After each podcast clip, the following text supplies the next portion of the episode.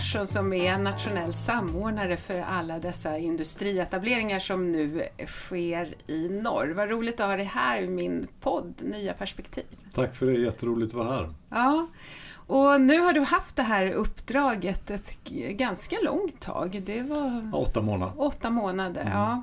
Vi ska komma tillbaka lite till vad du har upplevt under de här åtta månaderna, men lite om din bakgrund. Du är idag seniorrådgivare på Sveriges Ingenjörer, men där har du jobbat rätt länge. Mm. Eh, och du är också ledamot i IVA, alltså Kungliga Ingenjörsvetenskapsakademin. Och där vet jag också att du har haft många uppdrag. Mm. Eh, och det känns ju som en riktigt liksom, bra bakgrund för det här. Du har mm. lite politisk bakgrund också. Vi delar ja, en del uppdrag som vi har haft. Jag har pryat på många ställen. Men jag tänker också att eh, vi Ja, en viktigt uppdrag som bakgrund till det här, det var ju att du också hade ett samordningsansvar när det gällde Gotland ja. och deras utveckling. Eh, vad säger du om din bakgrund? Är det något särskilt du tycker ja, är viktigt? Nej, men så här, jag är ju 360 grader kan mm. man säga. Jag, jag, känner så många VD så jag vet hur de tänker. Jag känner jättemånga kommunalråd jag mm. vet hur man tänker där. Jag känner alla landets rektorer på lärosätena. Jag vet hur man tänker där och vilka förutsättningar som finns. Eh, så att eh, jag brukar, det finns det där gamla talesättet att tala med bönder på bönders vis. Mm. Och det lärde på det lärdes vis. Och det är väl kanske min främsta expertkompetens. Och därmed också få saker att gå ihop. Mm. För vill man förändring, då eh, krävs det att, eh, att man eh, att man inte missuppfattar varandra utan man översätter olika saker. Mm. För då kommer man ofta fram till att ja, men vi menar ju samma sak. För missuppfattningar tror jag, medvetna och omedvetna, är ofta de viktigaste skälen till att man inte kommer framåt. Mm. Och då måste man reda ut det. Mm. Men då känns det ju ändå som att du har liksom den bakgrund som krävs för att få ihop och samordna allt det här som händer nu i norra Sverige. För det, det är som sagt, det är ju någonting historiskt vi är med om här. Ja, jag skäms inte att säga för att jag, jag är rätt bra på det här. Ja. Det, och då blir man också övertygande mot dem man möter. Mm. Ehm, och, och, det historiska ska jag säga så att jag har jobbat med klimatfrågan mm. jättemånga år. Jag var med när, liksom, när klimatarbetet drog igång på allvar, det politiska och internationella. Så att nu känns det som proppen har gått ur. Kanske lite för sent tycker vi, men det är aldrig någonting som är för sent. Det är bättre nu än inte alls. Ja. Så får man alltså resonera. Och då kan man säga att det, det, som, det riktigt nya, det är då att industrin, den tunga industrin, som vi trodde var omöjligt tidigare, mm. nu har man fått fatt i det. Och det är ju att de skapar, som det så vackert heter, nya värdekedjor. Mm. Och att man ser att eh, konsumenterna kommer att kräva inte bara bra batterier utan också eh, klimatanpassad plåt. Mm. Det är det som är trycket. Och då måste stålföretagen ställa om. Ja, för det här är ju, det är ju företag som konkurrerar på den globala marknaden ja. och de ser att ska då, de ha en position så... Ja, och då är tidsaspekten och då kan man säga då då sätts ju lite grann våra planeringssystem på spel mm. för vi är vana vid ganska långsamma processer. Mm. Och nu måste det gå fort. Mm. Och då tror jag att pandemin har tjänat oss väl. Ja. För att den har visat att det går att göra omställningar ganska kvickt. Mm. Och vi kan ta fram ett vaccin på mindre än ett år. Mm. Vi säger jag som någon slags kollektiv grej. Mm. Men eh, eh, nej, det är nytt också ur ett annat perspektiv. Och det är den, den demografiska utmaningen. För vi pratar alltid, vi säger jag liksom generellt, mm. för det är lite olika samtal naturligtvis, men man pratar om Norrland som problem. Mm. Och man ser det som i södra Sverige. Och man har liksom inte upptäckt att hmm, här är den lägsta arbetslösheten i de två nordliga länen. Det är nummer ett. Men utmaningen är, det är ju demografin, alltså mm. hur åldersstrukturen ser ut. Mm. Och att alla kommuner i stort sett, utom Umeå, har stagnation. Mm. Vi kan bryta den stagnationen och det kanske är en lika viktig historisk uppgift som att delta i klimatförändringsarbetet. Mm. Och kombinerar vi de här sakerna, ja då har vi, det är en riktig höjdare. På det ja, sättet. Du har ju sagt någon gång att nu är det dags att liksom vända på Sverigekartan. Ja, jag gjorde det i Dagens Nyheter, mm. Rikspressen, där jag visade för journalisten hur jag då hade ställt Sverige upp och ner. Mm. För sådana här bilder har ju en fantastisk förmåga för vår hjärna, hur vi ska tänka. Och han tyckte det var så innovativt så han tog in den som faksimil. Mm. Och det har blivit min lilla grej. Så att på samma sätt som när jag var på Gotland och jobbade mm. väldigt mycket underifrån eh, och gick under namnet Peter Larsson-pengarna och 100 miljonersmannen och allt sånt där som man gör i lokalsamhället mm. så, så har jag nu fått leva med den här kartan. Eh, men jag tror det är viktigt i allt övertygande arbete att ha konkreta mm. bilder så att man förstår vad är det för någonting vi är med om. Och det är ju det som övertygar människor, det är ju starka berättelser. Jag tänker också på det här som Norrbottens handelskammare tog fram. De gjorde någon slags överslagsräkning. Hur stora investeringar är det som ska göras i Norrbotten och Västerbotten? Och då kom de fram till det här tusen miljarder som mm. ska investeras av industrin.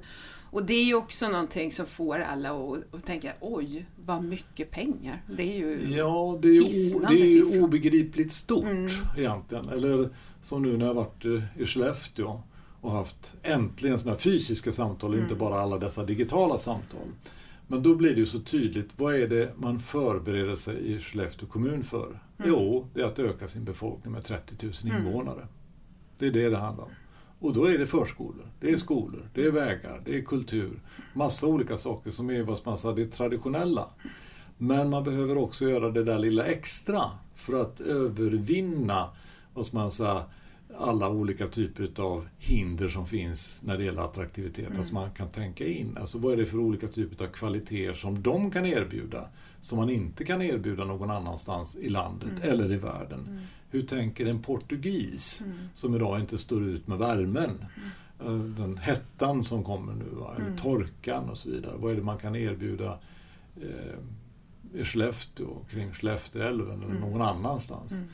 Eh, och det är där att våga lyfta fram sina egna kvaliteter utan att alltid tänka på vad man inte kan. Vänd på det. Mm. Jag, är, jag, jag är en sån här 180 graders människa ja. kan man väl säga på det sättet att man kan se saker från olika sätt. Och du var ju väldigt tidig att lyfta det där att, att en viktig del för att det här ska nu liksom lyckas och, och bli av, det är faktiskt självklart infrastruktur, bostadsbyggande, kompetensattraktion, men det är också kulturen. Ja, Ja, det var faktiskt vid presskonferensen med Ibrahim Baylan i december mm. förra året. Så, så, så råkade jag hitta två stycken ord som började på N och så sa jag, vad kan Norrlandsoperan mm. betyda för Northvolt? Och det var för att få ihop det, och det vet vi ju. Jag, jag är gammal göteborgare och vet ju hur mycket Volvo har stöttat eh, Konserthuset mm. i, i Göteborg. Inte för att alla springer på Konserthuset, men det skapar en stolthet och man vet att och det är lite annan liv och rörelse och det finns en attraktion mm. i det. Så att de stora företagen har alltid begripit det där att man kan inte bara se till det man producerar utan man måste ha ett vidare perspektiv.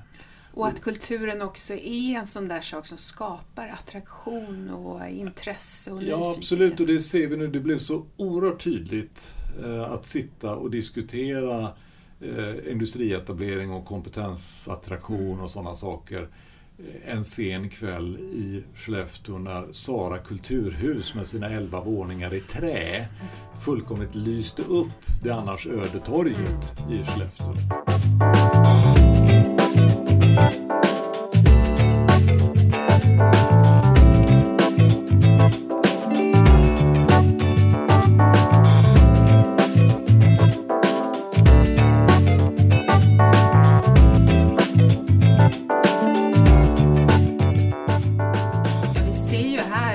Västerbotten att Umeå som du säger har ju växt ganska länge men vi ser ju hur fastighetspriserna ökar här. Det är svårt för unga barnfamiljer att hitta ett boende. Ja, faktiskt. Mm. Vi hade här alldeles nyligen en etta som såldes för 3 miljoner.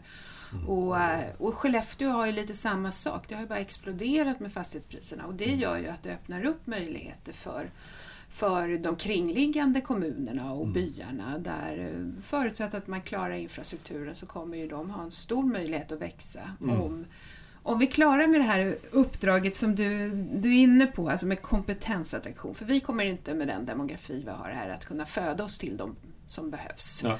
Utan det måste flytta in människor. Ja. Och ibland har du satt en siffra på hur många som behöver komma till. Ja, alltså jag gör en ganska enkel huvudräkning här. Jag säger, om 15 år, om vi sätter oss här mm. igen, eh, då tror jag att Norrbotten och Västerbotten har ökat sin befolkning med 100 000. Mm. Man har brutit stagnationen på alla plan, skulle jag säga. Och det, det är en riktningsvisare för om man tittar, till, bryter ner siffran så kan man säga att de här nyinvesteringarna de drar 15-20 000 medarbetare, mm. nya medarbetare.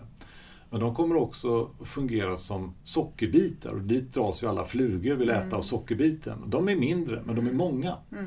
Och det ser vi redan, alla olika upptänkliga entreprenörer som liksom ser att ja men hur kan vi utnyttja vätgasen eller hur kan vi mm. utnyttja det här och så vidare.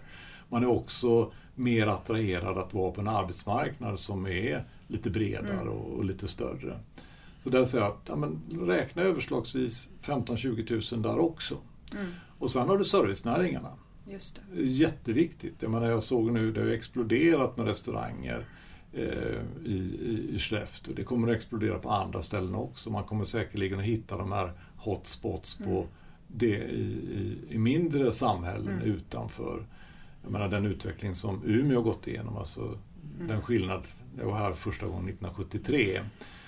Det var inte så stort restaurangutbud. Idag Nej. är det ju liksom hög klass på det mm. om man vill äta mm. ute. Men sen ska du också lägga till den kommunala expansionen och den glöms ofta bort. För att för varje ingenjör som flyttar in så behövs det också en lärare. Eller för varje operatör som tar ett jobb vid någon av de nya fabrikerna så behövs det också en som jobbar på förskolan. Mm eller i serviceboendet eller vad det nu kan mm. vara för någonting. Och det är den som nu då kommunerna också måste bereda sig mm. för.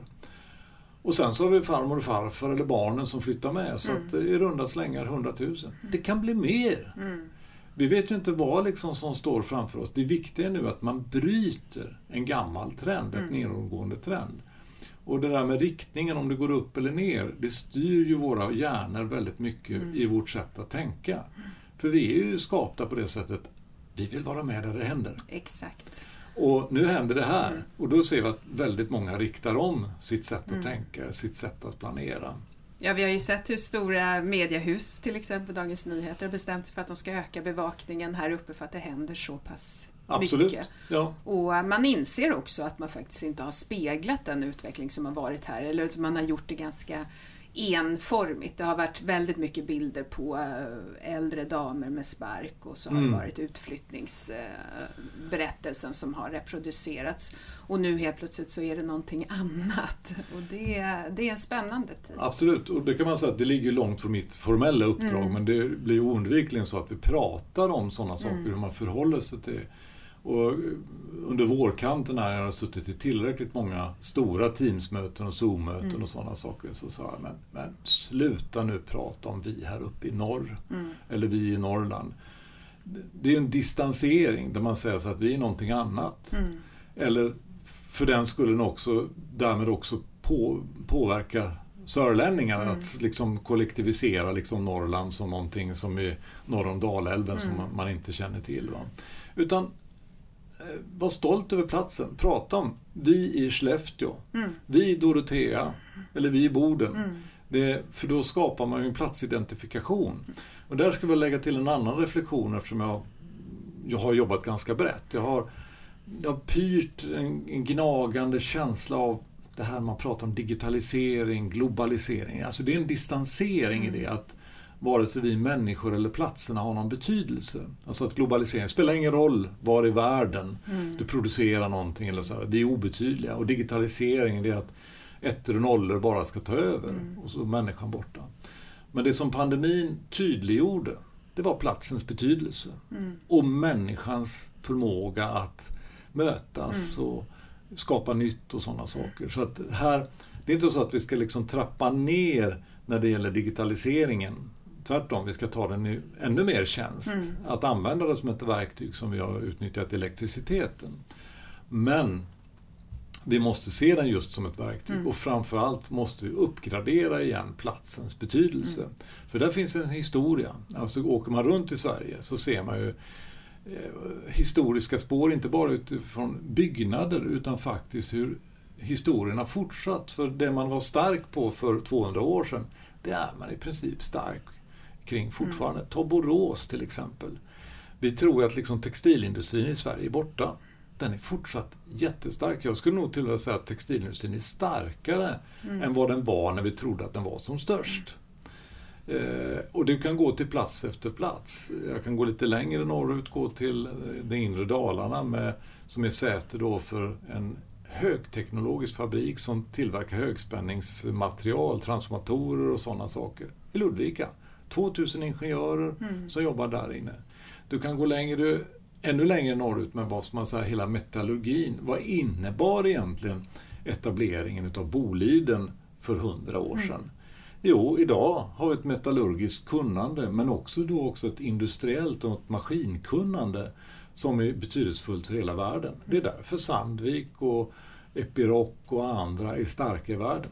Och som bygger på vårt industriella samarbete ja. mellan olika typer av företag. Och nu då när vi får en sån här metallexplosion i världen, för vi vill ha mobiltelefoni, vi vill ha data, allt möjligt sånt där. Vindkraftverk. Vindkraftverk, alla möjliga olika. Det är de här sällsynta mm. metallerna. Och då tänker jag inte mm. bara på guld, utan vanadin. Eh, nu kommer det, alltså man pratar ju mycket om att inte bara bryta nya gruvor, mm. som ska göra på ett extremt miljöanpassat mm. sätt enligt mitt förmenande. Men också att ta tillvara gammal slagg, som idag har vad man säger, restprodukter som är väldigt, väldigt intressanta och med tanke på prisnivåer och annat sånt där så kan man faktiskt ta itu med gamla försyndelser mm. eh, och använda på nytt.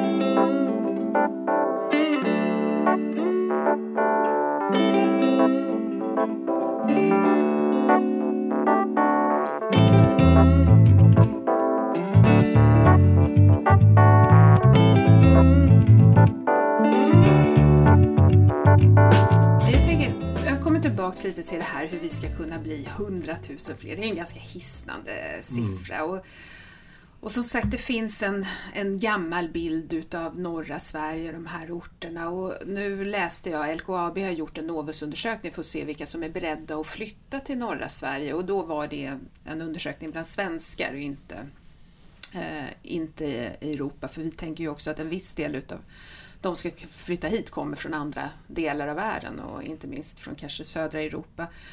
Men då, då var det väldigt tydligt att de flesta hade en väldigt positiv bild av mm. utvecklingen i norra Sverige. Med, men, och det var framförallt unga som kunde tänka sig att flytta. Men det var en ganska stor skillnad mellan män och kvinnor. Mm. Att det var fler män som kunde tänka sig att flytta och betydligt färre kvinnor. Och det tänker jag, mycket av det här som liksom har präglats och speglats, den tunga industrin, hockeyn, eh, jakten, mm. fiske, allting har liksom ett ganska ja, ska jag säga, nu finns det kvinnor som gillar hockey, det finns kvinnor som ja. jagar och så och det finns många kvinnor som jobbar inom industrin. Men, men är det någonting här som behöver förändras så att också kvinnor känner sig attraherade av att komma Absolut. Jag kan börja det sättet som du formulerar frågan, för det gör jag också.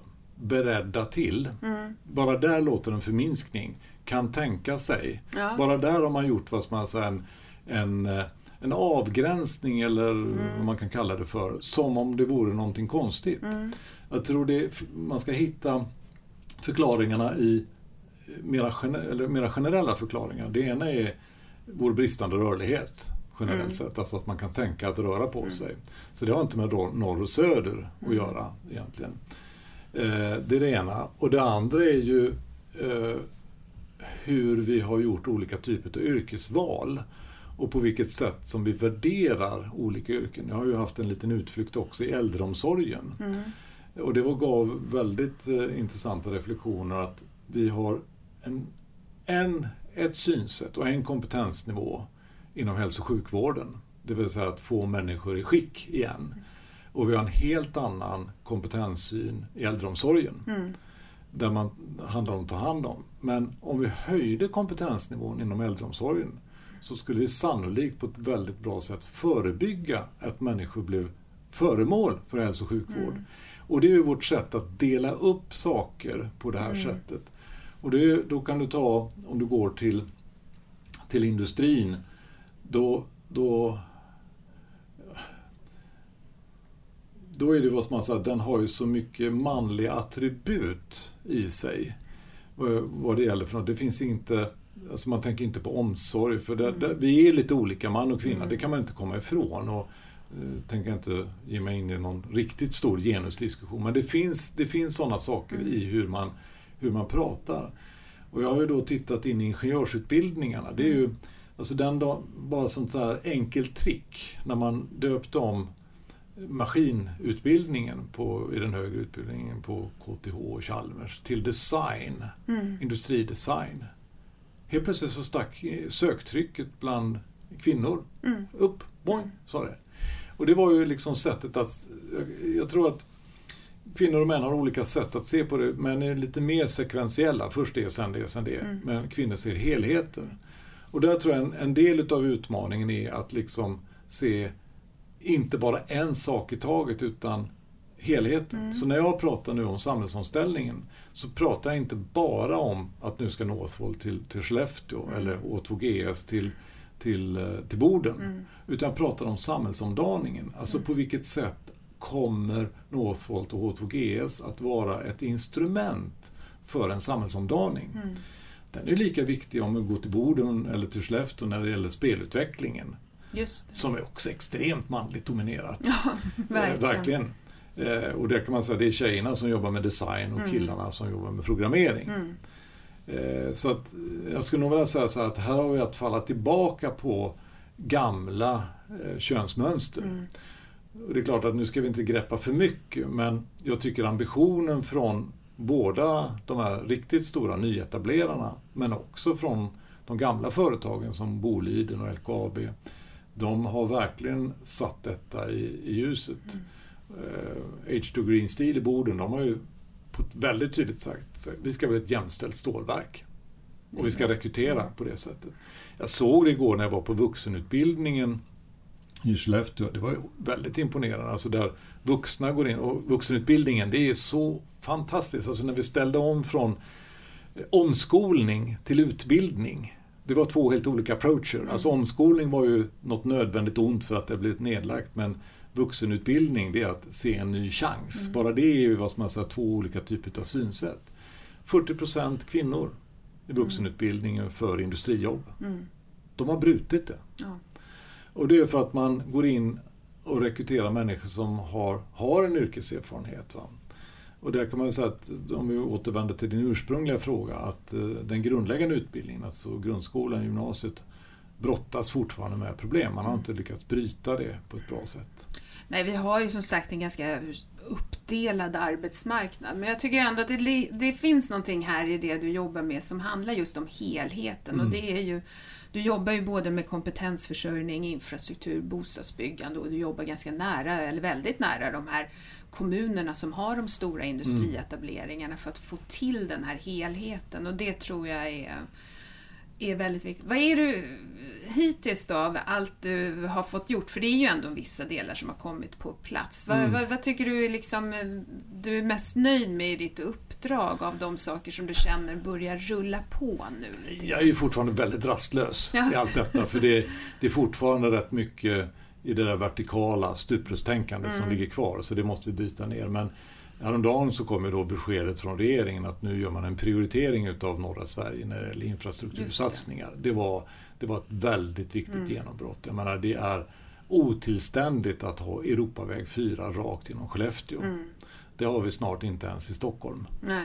Eh, så det, och med den expansionen, alltså man kan inte då, då, får man ju motsättning. Mm. Då tycker folk att ja, men vad var det för nyttan med nu en ny etablering när det blir otrivsel och trängsel och annat mm. sånt Så det är helt nödvändigt. När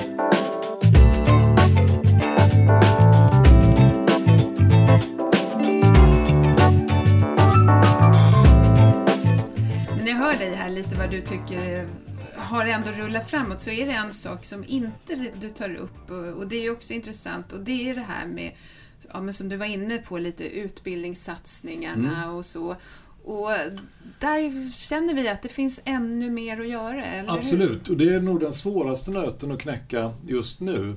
Och det har, det har väldigt mycket med stuprören att göra mm. och det, var, det, har tagit en viss tid innan jag riktigt har fått kläm på det. Va? Mm. Eh, och det, det, är ingen annan heller och det låter trivialt när man till slut får kläm på mm. det. Och det, man kan säga så här, jag, jag nämnde ju förut det här när vi gick från från omskolning till mm. vuxenutbildning så var ju det ett skifte för det handlar om att stärka individen. Och jag har ju varit involverad väldigt mycket de senaste tio åren i det här livslånga lärandet. Mm. Alltså att man utbildar sig inte en gång och sen är det klart. Nej. Utan du måste se utbildning och bildning som en kontinuerlig process.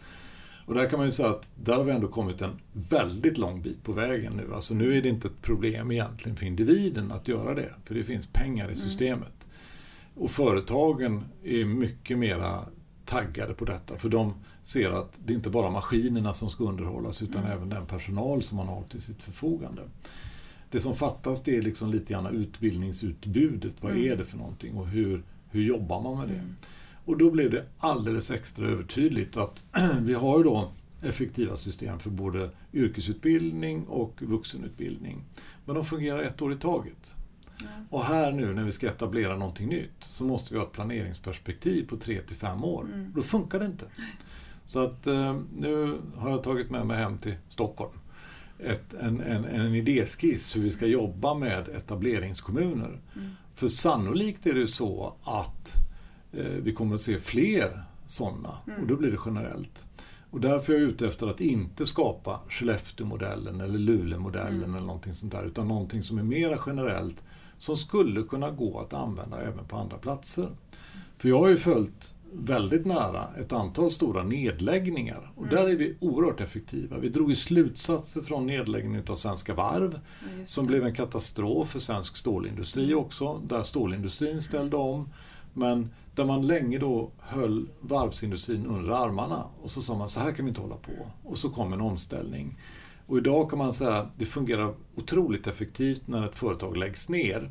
För då träder ju trygghetssystemen in mm. och då träder alla olika aktörer in. Jag menar, skulle hända någonting i Västerbotten så blir du säkert samordnare. Mm för att se till att andra gör jobbet, inte att mm. du gör jobbet utan att rätt part är inne. Men där finns då Trygghetsstiftelsen och Trygghetsrådet TRR och många sådana där. Så de vad man säga, ger individen trygghet eh, och man eh, coachar vidare till nytt mm. jobb. Och det kan man säga, det är nedläggningsparadigmet. Mm. Men vi har inget etableringsparadigm. Nej. Vad händer när någonting helt plötsligt kommer hit? Mm. Och det beror ju också, om man ser det i ett hundraårigt perspektiv, att svensk industri blev ju stark genom att tidigt vara globalt närvarande. Mm. Alltså det tog SKF mindre än 10 år för att finnas på 40 platser över hela världen. Sen kom Scania, Volvo, mm. ABB, Ericsson, alla liksom tidigt ute globalt. Mm. Så att vi har ju sett oss som en stark global aktör. Vad som har hänt de, de, de senaste 20 åren, det är att andra globala företag har sökt sig till Sverige och tyckt det varit intressant. Och man har köpt företag, vilket vi ibland har varit lite rädda för. Och det, man har förlorat kontrollen och sådana saker. Men nu kommer också etableringarna. Mm. Och det kan vara antingen vad man säga, renodlade etableringar, som man, någon koncern eller någonting. Eller det kan vara en kombination utav det. Och det där paradigmet har vi liksom inte berett oss mm. på. Det är ju eh, helt naturligt om man tittar på norra Sverige nu, för här finns ju då vad man säga, naturtillgångarna och du kommer att satsa på vidareförädling. Alltså mer utav råvarorna kommer att förädlas vidare. Jag brukar säga och här finns den gröna energi. Här finns den gröna energi och det är en viktig del. Och då kan man ju säga lite elakt, så jag brukar säga ibland att nu är den koloniala tiden förbi. Ja. Eh, råvarorna ska stanna mm. och förädlas vidare i norra Sverige. Och, gå och vidare. överskottet som genereras ska investeras här. Ja visst, Nej, men precis så. Vi, vi är bara början i produktion av ny, ny energi. Eh, jag tror att om vi ser parallellen med, med vindkraften som ju fick en explosion. Mm. Eh, inte okontroversiell men eh, rätt bra gehör för den. Men det var ju ökad effektivitet i de enskilda turbinerna, att hitta platser som har bra vind men också få motsättningar. Jag tror att samma utveckling kommer vi se nu på solenergiområdet. Mm. Och det är tack vare att vi kommer att klara att långtidslagra elektricitet mm. i vätgas ganska snart. Man kan ju tro så här, solenergi, ska det funka i norra Sverige? Men eh, det var ju faktiskt Luleå som vann eh, antalet soltimmar den här Absolut. sommaren och det, det jag fick lära mig också, och Umeå kom god trea, men det jag fick lära mig också det var att det är också bra att vara i ett kallt klimat för eh, just när man ska lagra ner solenergi ja. för att det inte blir överhettat så blir det effektivare. Så att, eh, så att kan man bara, nu behöver vi ju ofta mer energi på vintern när det är mindre mm. sol, men kan man bara hitta ett sätt att lagra det så... Ja, det har ju varit akilleshälen hela mm. tiden, men där kom ju genombrottet och då kan man säga att genom att vi nu satsar på två riktigt stora vätgasanläggningar så kompetensen kommer ju att öka där mm. och då kommer man också hitta möjligheter till den mera decentraliserade lagringen. Mm. Och kylan har ju en annan aspekt, om det är någon som nu råkar vara fysiker, så vet vi att kraften i vinden, det är densiteten gånger hastigheten i upphöjt till 3. Och kall luft är tyngre än varmare luft. Mm. Så att kylan gynnar hög vindkraftsproduktion. Det var lite fysiklektion här också. Bra. Ja. Ja, men det känns ändå som att vi har en ganska ljus framtid i eh, Västerbotten och i Norrbotten också. Vi ska se till att det kommer hela länet till del och även inlandet. Men nu tänkte jag avrunda lite med liksom, något mer personligt om Västerbotten. Jag vet att du tillbringar ganska mycket tid här numera när det inte är pandemi. Men, eh, men vad, är, vad tycker du är det bästa med Västerbotten? Och har du något särskilt minne du vill dela? Jag har flera minnen. Alltså, för det första är tycker jag det mentala klimatet i Västerbotten. Det är mjukt och fint. Det är det. Sen bor sonen och sonhustrun här sedan tio år. Så det är ett skäl att resa mm. hit och vi gör många trevliga utflykter nu senast i lite svampområden och annat sådär. Men två riktigt härliga minnen är ju faktiskt eh, 1975 missade rälsbussen i Arvidsjaur skulle till Sorsele och fick fotvandra hela vägen. Men i Slagnäs blev upplockade i alla fall av en långtradare. Men det var jag och en kompis och alla renar som gick längs vägen. Men det var det var midsommartid så det var mm. fantastiskt. Eller 73 eh, satt i studion med Radio Ellen uppe i Ålidhem. Och då, var det liksom, då såg Umeå annorlunda ut. Mm. Och jag skulle också vilja säga att Umeå är alltid fantastiskt att besöka för här myllrar det och kulturhuvudstadsåret. Eftersom jag själv var involverad i Stockholms kulturhuvudstadsår mm. så var det fantastiskt att vara här. Och jag tror att, om man får bara avrunda det där med att Umeå kommer att ha fortsatt en strategisk roll i det här. Som största Som största. Och, då, och därmed är man, man är lite Stockholm i norra. Mm. Men behöver liksom inte klampa in utan nu är det, nu ska vi se till att det inte bara är en motor i norra Sverige utan sex mm. och kanske fler. Mm. Och det tror jag är viktigt. Och också, vilket jag har vinnlagt mig om, att ha en jättenära relation till alla kommunerna i norra Sverige.